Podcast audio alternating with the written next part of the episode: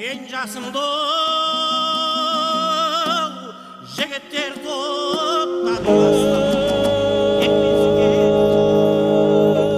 арқалы таудың шыңындай алқалы топтың туындай болған жыршы жыраулар жайлы білгіңіз келсе қошан мұстафаұлының інжу маржан хабарын тыңдаңыздар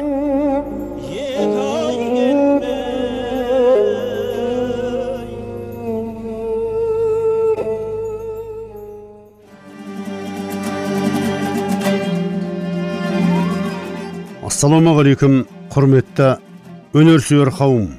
Әуе толқынында інжу маржан ұлы тұлғалар аталатын хабарымыздың екінші бөлімін тыңдауға шақырамыз.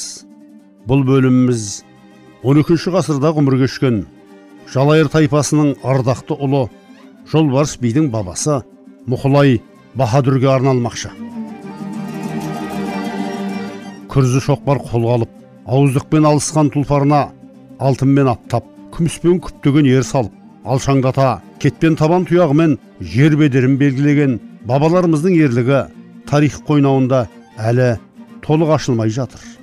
Ұялы бұлттай үдере көшіп алмас қылышын айға жанып көк сүңгісі күн көзіне шағылысып атойлап қарсыласқан жауының жанын жаһанамға жіберіп берген серт айтқан уәдесінде тұрған батырларымыздың да бейнесі көне тарих қойнауында жасырынуда.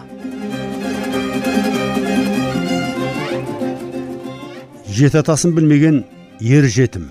Жеті ғасыр тарихын білмеген ел жетім дейді халық даналығы осы сөзді ұстана отырып мен бүгін тарихы күрделі ежелгі және орта ғасырлардан бастау алатын жалайыр баба ұрпақтарына қалам тартып көне тарихқа көз жүгіртіп бабалар мұрасын ұрпаққа жеткізуді перзенттік парыз санап отырған жағдайым бар.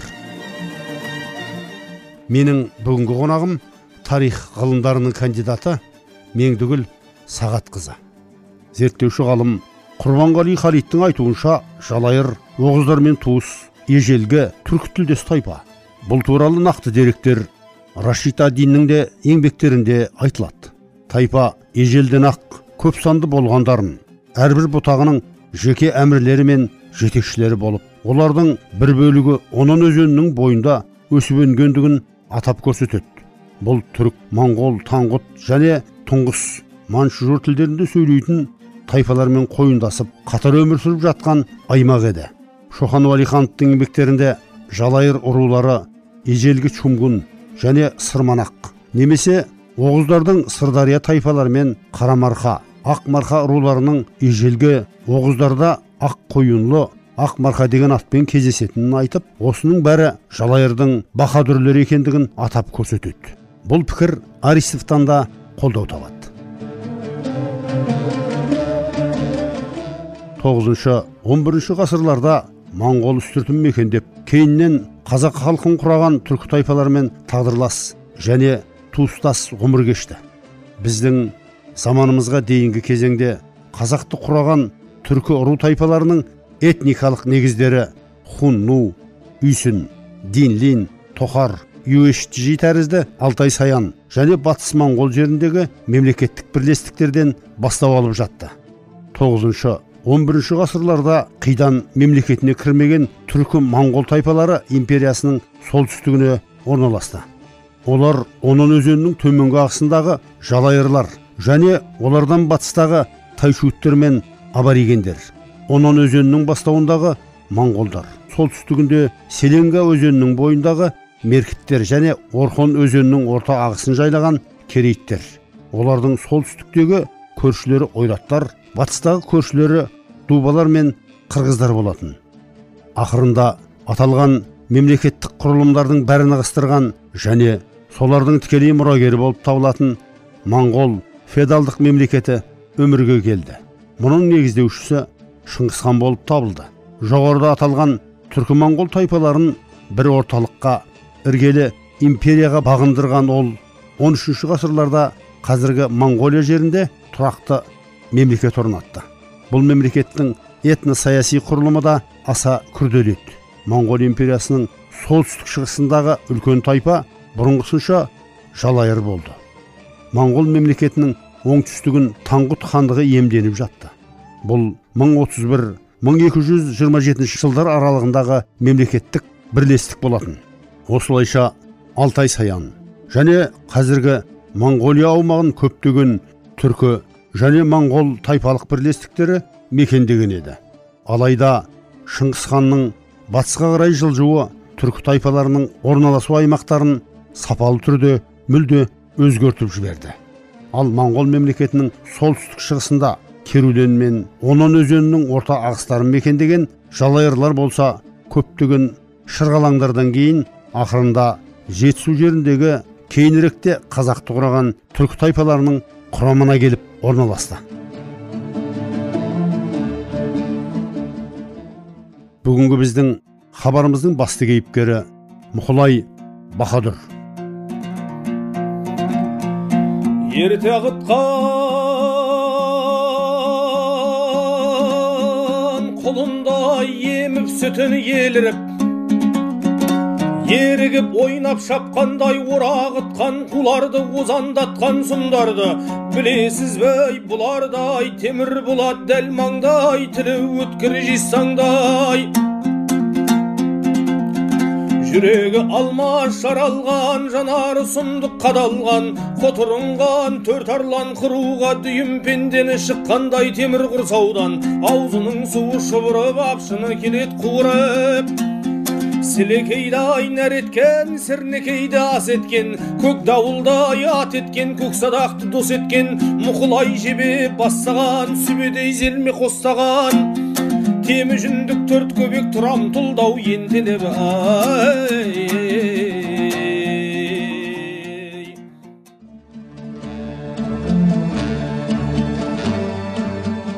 алтын денем қалғыса да ардақты елім солмасын бүтін денем қажыса да бүкіл елім тозбасын. Алтын денем шаршаса шаршасын. Абзал елім даңқартсын бүтін денем қиналса қиналсын бүкіл елім топтансын деп артында ұлағатты сөз қалдырған шыңғыс хағанның сенімді серігі және жан дос еді. Мұқылы гауин жалайри мұқылы куянық мұқылай шамамен 1170 1223 жылы ғұмыр кешкен ұлы қолбасшы тегі жалайыр. Шыңғыс хан әскерінің төрт ірі қолбасшысының біріншісі империядағы тоғыз төренің бірі әрі бірегей атанған жарты әлемді уысында ұстаған ұлы тұлға мұқали батыр. 1206 жылы құрылтайда шыңғыс хан өз мемлекетінің шаңырағын көтеріп қол астындағы елін 95 мыңдыққа бөледі. Сонда мұқылай бірінші мыңдықтың басқарушысы болып тағайындалады сондай ақ шыңғыс ханның ең мықты тоғыз қолбасшысының ішіндегі төресі де осы мұқалы болды. 1215 жылы бейжің пекинде алған шешуші жеңістен соң шыңғыс хан мұқалы ноянды бас қолбасы әрі ұлық әмір ретінде шүржен шөгінде қалдырады. Шыңғыс хағанның өте сенімді адамы бас қолбасшысы. Хан орта азияға жорыққа кеткенде оның атынан қытайды басқарады. Күрессе білекпен сөйлесе шешен тапқырлығымен сөзбен жығып ақылды парасаттылығымен көзге түсіп аты шыққан мұқылай шыңғыс хан империясы тарихында го ван яғни ұлы билеуші лауазымына ие болған жалғыз адам. Ол жалайыр тайпасының ішіндегі жат деген рудан шыққан. 1170 жылы телегет деген байдың отбасында туып кейін әкесі шыңғыс ханға табыстаған екен. Тірлік бізге не керек тәуекелден айнысақ тірі жүріп не керек? Туған жерден айырылсақ қорамсақты жасанып қан қып ұстап садақты қу толағай бастанып құмға батсақ сол жақсы. Кешегі кекті наймандар кең байтақ мына жерім бар. Құмырсқадай халқым бар құжынаған жылқым бар. Барып ойран салам деп батыл айтқан сөзі бар. Қапелімде қамдансақ қаптап барсақ тездетіп қиын емес қармаңсақ қапыда басып телімдеу естідік сұмдық хабарды егеудей тиген намысқа шыдап қайтып тұрайық шығайық тұтас соғысқа таян хан шошып өзіңнен тауқұрлей қашып жүр жанын қояр жер таппай жер астында сасып жүр теміжін сен мықты бол тентіреп олар ығысты қарсыласар дәрмен жоқ қалжырап тауға шығысты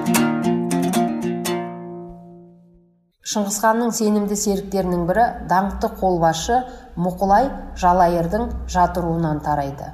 Тарихи деректерге сүйенсек мұқылай шыңғысханмен жас кезінен бастап танысып оның алғашқы ерлік жолдарын екеуі бірге бастаған. Арада біраз уақыт өтпей ақ ол ә, темучиннің ең сенімді серігі жақын досы ақылшысы дәрежесіне жете білді. Соның нәтижесінде мәселен 2006 жылы шыңғысханды ақ киізге көтеріп хан сайлаған кезеңде шыңғысхан осы жиында моңғол мемлекетін құруға ерекше еңбек сіңірген 88 адамның ішінде мұқылайдың атын меңлік әкей мен боршы досынан кейін үшінші болып атағандығы деректерде қалған. Мұқылайды марапаттауға кіріскенде шыңғысхан алдымен оның ерліктерін атап өтіп өзіне қалай келгендігін аспан рухының аянын өзіне қалай жеткізгендігін еске алғандығы туралы құпия шежіреде біраз мәліметтер сақталып қалған. Сол кезеңде көк тәңірінің аяны ретінде мұқылай шыңғысханға мынандай сөздерді айтқан екен. Жамұқамен бірге татарларды жеңген жеңісіңді тойлаған мына бұтағын кең жайған талдың түбінде баяғы бір заманда моңғол руының соңғы ханы хатула да той жасаған. Олардың қуаттылығын татарлар өшірді. Бірақ мәңгілік көк аспан өзінің жақсы көретін бастауын өзінен алатын моңғолдар руын ұмыт қалдырмайды.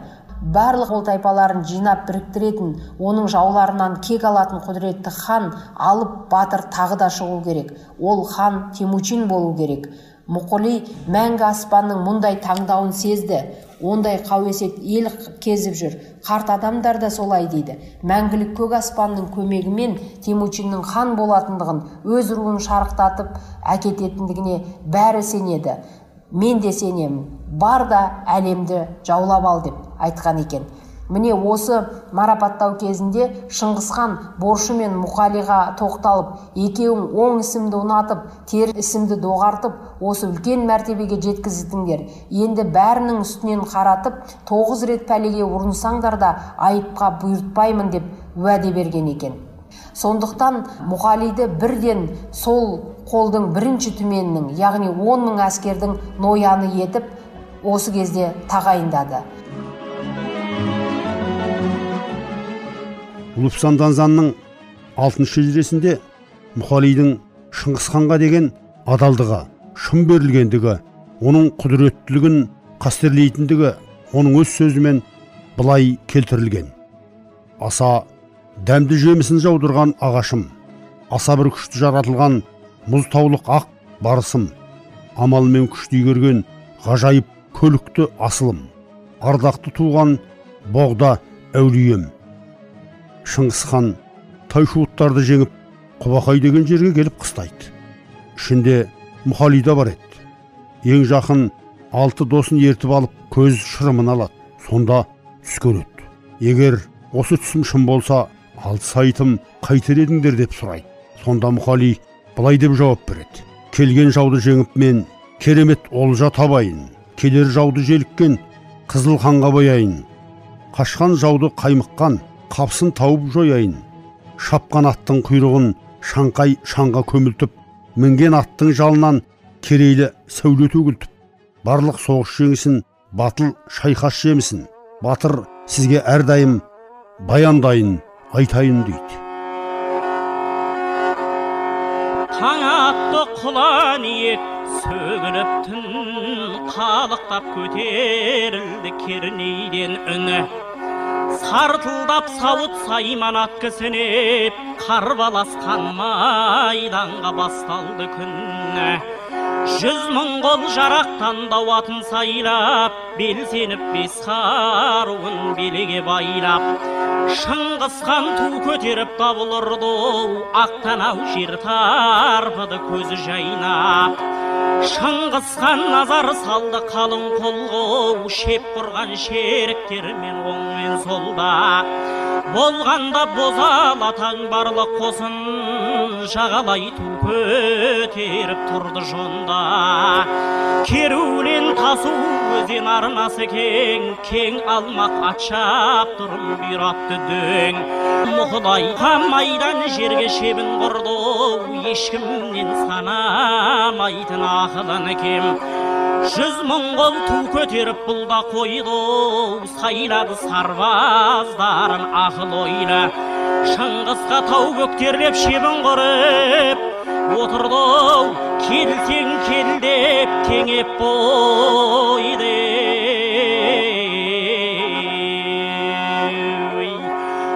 Кезде дабыл ұрды жер жаңғырып қара жер қақайырылды бас қаңғырап шыңғыс хан дәрі тайға жарлық берді оу тәңірім жар баста деді майдан құрып. Мінгені дәрі тайдың қара қасқа ері еді қылыш өткен қара тасқа. Асыл еді әкесімен бірге туған қаратпасқан жарлығы кәрі жасқа. Дәрі тай басты хан көтергенше қағып таста ат қойып төңкермеден төмен қарай кідірмей қан майданғы араласты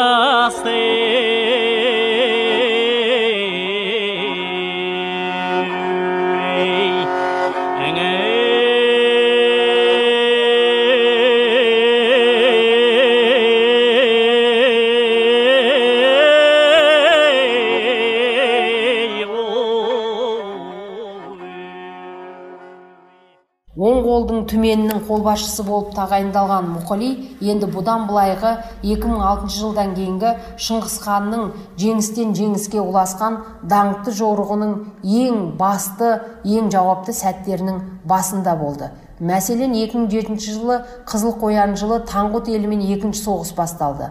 Мұқали сол қол жақтағы әскерді басқарғандықтан ол таңғұт елінде болды. Оның бұл соғысқа қатыспауы мүмкін емес еді. Ол қатысқан шайқасты тек қана жеңіспен аяқтап келді. 2009 жылы таңғұттармен болған үшінші соғыста да мұқали осы жақта жүрді. 2011 жылдан бастап мұқали шыңғыс ханның басты әскерін басқарды. Яғни ол моңғолдардың қытай елін бағындыруға арналған әскерін бастап алтын еліне қарай аттанды. Міне осы кезеңнен бастап мұқылидың қолбасшы ретіндегі қытай елін жаулап алудағы бүкіл ерлік әрекеті өмірі бар қолбасшылық таланты осы кезеңде көрінді. Барлық деректерге сүйенсек қытай деректерінде содан кейінгі осы моңғол деректерінде ауызша деректерде сонымен қатар мына кейінгі зерттеушілердің еңбегінде мұқылайдың қытай елін жаулап алудағы сіңірген еңбегі ерекше атап көрсетіледі. Яғни қытай елін жаулап алуға барған моңғол әскерін шыңғыс хан басқарған жоқ. Шыңғыс ханның атынан осы бүкіл жаулап алу жорықтарын мұқылай жүргізді. Барлық деректерге сүйенетін болсақ бұл кезеңдегі мұқылайдың әскери біліктілігі әділеттілігі туралы көп мәліметтерді алуға болады. Тіпті кейбір деректерде шыңғыс ханның мұқылай қайтыс болған кезеңдегі айтты деген бір сөздері бар. Сені қиын жағдайда қалдырдым аз әскер бердім деген мәліметтер бар екен. Сондықтан мұқылайдың қолбасшы ретіндегі қытайды жаулап алудағы басты ерекшелігі осы аз қолмен және қамал бекіністері мықты соғыс өнері қорғаныс өнері ежелден дамыған қытай сияқты алып мемлекеттің елдерін жаулап алу кезінде стратегиялық тактикалық біліктілік көрсете біліп әскер қатарын жергілікті жердегі адамдармен толықтырып отырып соғыс жүргізу әдістерін ерекше жолмен жүргізгендігін айтып өтуіміз қажет деп ойласақ болады. Деректерге сүйенсек 2017 жылы осы қытайда жорықта жүрген жерінен мұқылайды шыңғыс хан өзіне шақыртқан. Қытай деректеріне сүйене отырып бичурин осы мәліметтерді келтіреді. 2017 жылдың сиыр жылының сегізінші айында тол өзенінің бойында оның сарайына келіп қабылдауында болды дейді. Міне шыңғыс хан осы кезеңде оның зор еңбегі үшін үлкен сый сияпат көрсетіп оны марапаттап мұқалиға қытайша гован яғни тақсыр атағына қоса тайшы яғни ұлы князь деген атақты қоса берді деген мәліметті келтіреді. Төрт құбылалы елін жиып шалқыған той жасап отырғанда мұқылайға сөз бере тұрып оның батырлығын шыңғысхан қысқаша былай сипаттаған екен. Өрттей қаулаған жауға тайсалмай кіретін асау пілім. Айбынды ту мен киемді тапжылмай ұстайтын тас қорғаным. Торқалы ұлы тойымды бастап көпке жеткізетін өрісі кең жомартым.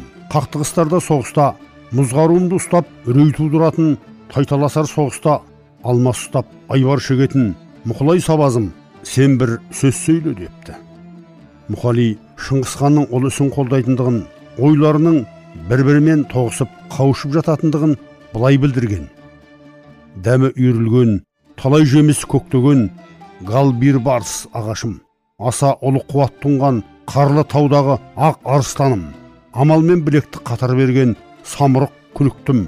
Даңқты туған дана боғда еженім. Түпсіз ұлы мұхиттай көңілді тыныштандырып салмақты ұлы төрімен дінін жоғары тәңірден сұраған. Адамға қастас жауды қатаң жазамен аластап күллі ұлыстың мейірін алып кең пейілімен басқарған ісің емес пе? Дей келіп жауыңа бірге шабамын алдыңа олжа саламын. Ат құйрығына құйын ойнатып жалына күн қондырып құтылмастай етіп қуатымды бір төгейін дәртай ат ойнатып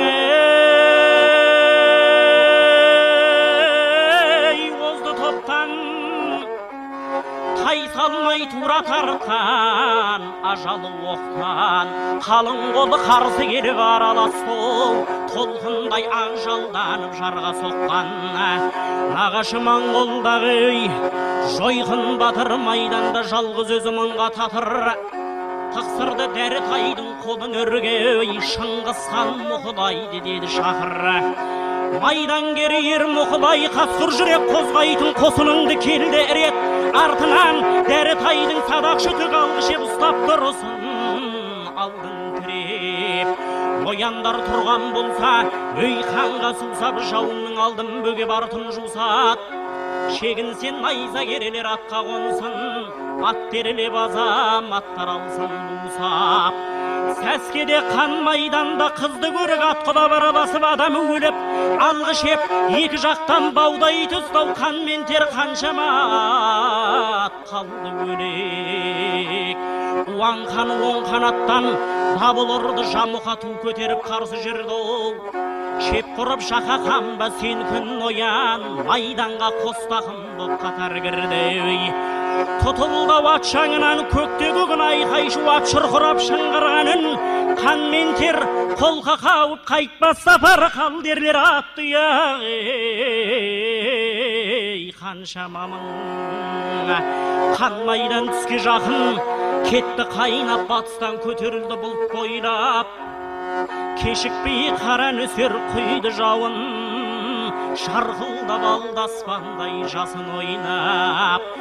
Сарқырап ылдый қақты өрдегі су теңселді жамахада қолдағы ту қосыны ат бауырынан сазға кіріп ерлерден елеуреген басылды бу мұқылай қозғалды алға садақ тартып жау жағы құй батпаққа қалды малтеп қыспақтап керуленге ұмтылды қол талай жан су бетінде кетті қалқап ей алды жар жамұқаның арты өзен ат жүрмес өрге қарай болды кезең тәңірінің қаһарындай қара жауын тағдырын тәлкеге етіп құрды безбен шыңғыс хан ту көтеріп өрде тұрды жамұқа шегінбек боп атын бұрды тұрғанда негізгі қол шебін бұзбай жай ойнап төбесінен жасын ұрды. Ей шартылдап жерге түсті жайдың оты талай жан от жалыннан ажал құшты. Болған соң бұл оқиға көз алдымда тәңірім қолдамады ой деді істі. Тоз тоз боп тарқады қол бас сауғалап баянсыз кімге жолдас аумады бақ.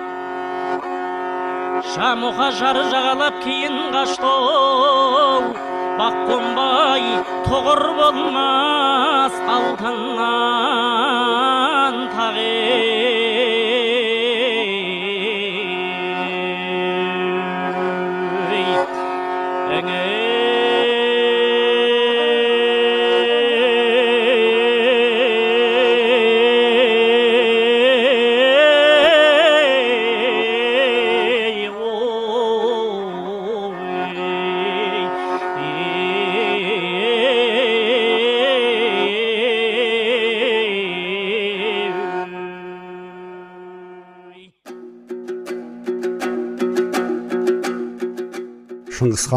Хан 1200 бесінші жылы татарларды жеңгеннен кейін мұқылайды былай мадақтаған.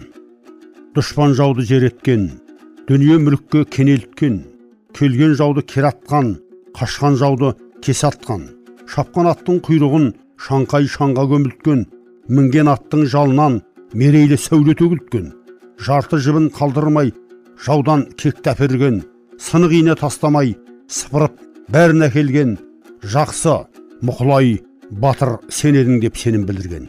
Бұл 1206 жылғы ұлы құрылтайдағы мақтау еді. Сол жылы шыңғыс хан мұқылайды ұлыс билеуші етіп сайлайды. Ал енді біз моңғол деректемелері деген деректер жинағына сүйенетін болатын болсақ мұқылайға бірнеше атақтары туралы мынандай мәліметтер келтіреді. Біріншісі бұның улус басшысы деген екінші уәзір немесе министр дәрежесіндегі атағы болғандығын көреміз. Бұл атақты қарап отырсақ мұқылай 2017 жылдың күзінің ортасына дейін алған. Сондықтан алтын ұлысын толық бағындыру үшін шыңғыс хан жоғары қолбасшылықты өз жарлығымен сеніп тапсырып және осы кезеңде мұқылайдың қолына алтын таңба ұстатқандығы туралы моңғол деректерінде мәлімет қалған. Міне осы кезеңнен бастап шыңғыс хан шын мәнінде гован деген атақты ресми түрде бекітіп және мұқылиды өзінің қытайдағы орынбасары етіп тағайындады. Және жай ғана тағайындап қойған жоқ моңғол әскерлеріне бұдан былай шыңғыс ханға қалай бағынса мұқалиға да дәл осылай бағыну керектігі туралы бұйрық берілді. Әрине бұл бұйрықтың белгісі ретінде деректерде шыңғыс хан оған алтын мөр мен тоғыз алқасы бар ақ ту сыйлағандығы туралы мәліметтер сақталып қалған.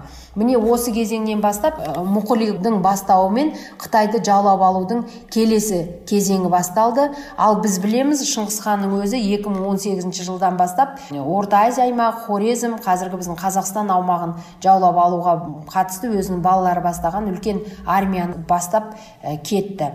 Сондықтан шыңғыс ханның мына қытай елін жаулап алудағы осы істі табысты жүргізіп келе жатқандығын көргендіктен 2019 жылы шыңғыс хан мұқалиға солтүстік қытай қытайды толық жаулап алуды аяқтау туралы нақты тапсырмасын берді. Бұл тапсырманы да мұқыли өте жоғарғы деңгейде атап өтті.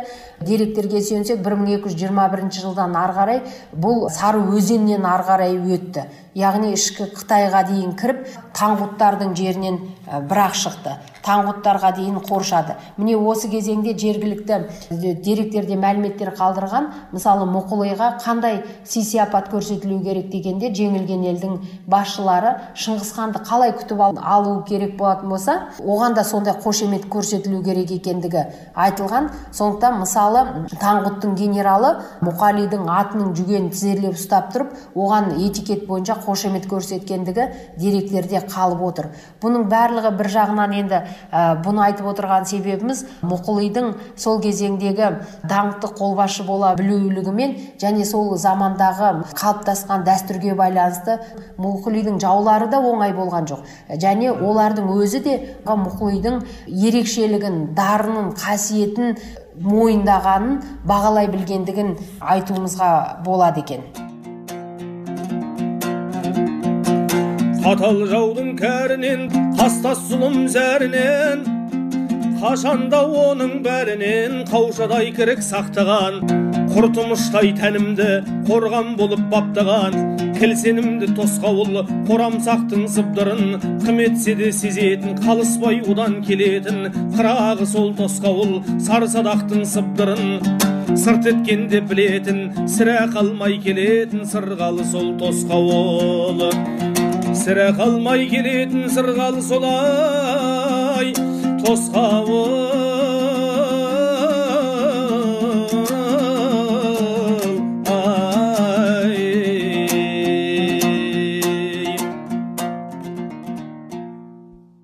1223 жылдың аяғы ақпан айларының шамасында бұл мұқұлидың қайтыс болған кезеңі деректерге сүйенсек бичуриннің еңбектерінде хэчужен арқылы солтүстікке қайтып келе жатып мұқыли сечжи облысындағы ванси уезінде аялдады дейді. Міне осы жерде бұрыннан келе жатқан ауруы белең алды өзінің күннің бітетінін сезіп ол өзінің інісі дайсынға мен өзімнің тақсырыма оның ұлы ерлік істеріне көмектесу үшін соғыспен айналысқаныма қырық жыл болды. Сол уақытта ешқашан уайымдаған емеспін. Қазір бір ғана нәрсеге нәнсинді алып үлгермегеніме ғана өкінемін. Соны бағындыруға тырыс деп атаған екен. Сондықтан буряттардан шыққан шыңғыс ханның тарихын зерттеген зерттеуші сайшиалдың еңбектеріне сүйенсек мұқоли гован 1223 жылдың сәуір айында сечжо округінің ванси уезінде 54 жасқа аяқ басқан шағында осылайша қайтыс болды.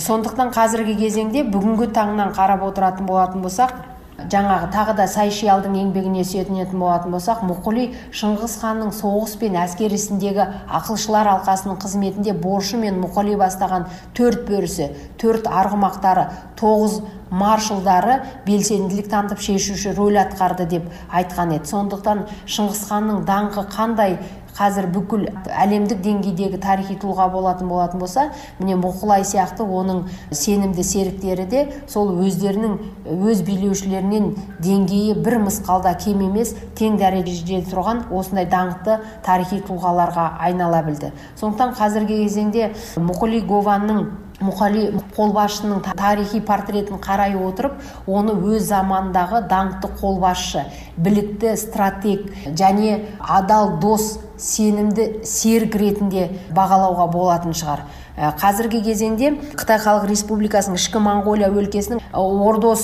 тобының ішінде мұхули атты руда сақталып отыр екен. Сондықтан мұхули қолбасшы бұл біздің халқымызға да жат емес. Себебі қазіргі кезеңде біздің үш жүздің басы қосылғанда ноқтағасы болып отырған атақты жалайыр руынан шыққан біздің даңқты ата бабаларымыздың бірі ретінде де мұқылидың қолбасшылық тарихи қызметі жалпы адами бет бейнесі келер ұрпаққа бізге тағылымды тарихтың бейнесі ретінде сақталып қалады.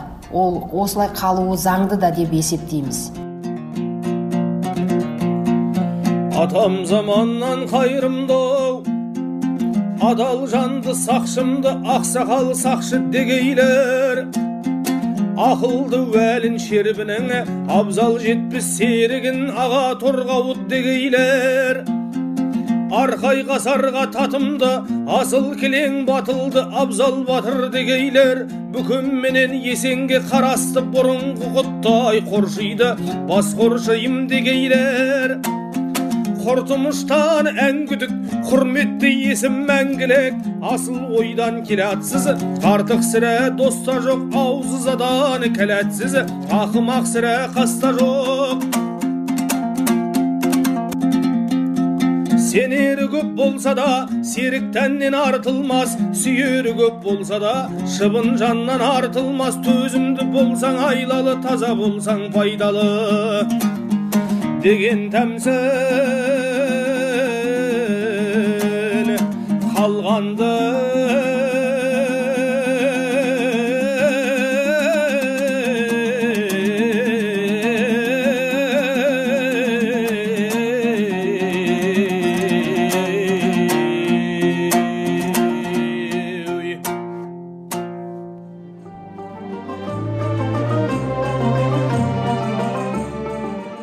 шыңғыс ханның әйгілі төрт күлігі мұқлай бауырша борағұл жылаухан еді.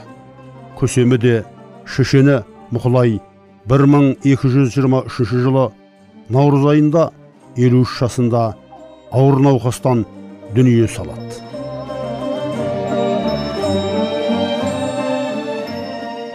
Ұлы тұлғалар аталатын хабарымыздың екінші бөлімін 12 ғасырдың ұлы тұлғасы мұқлай баһадүрге арнадық.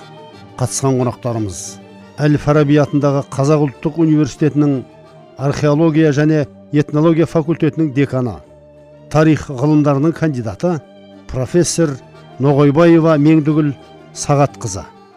Жыршылар республикалық жыршы термешілер байқауларының лауреаттары әлихан дүйсенбай марат сүгірбай хабардың авторы әрі айтаманы журналист қойшығұл мұстафаұлы. Әуенмен әрлеген қайсар тұрмағанбетұлы жалғасын алдағы хабарда тыңдай аласыздар әуе толқынында келесі тілдескенше бас аман бауыр бүтін болсын ағайын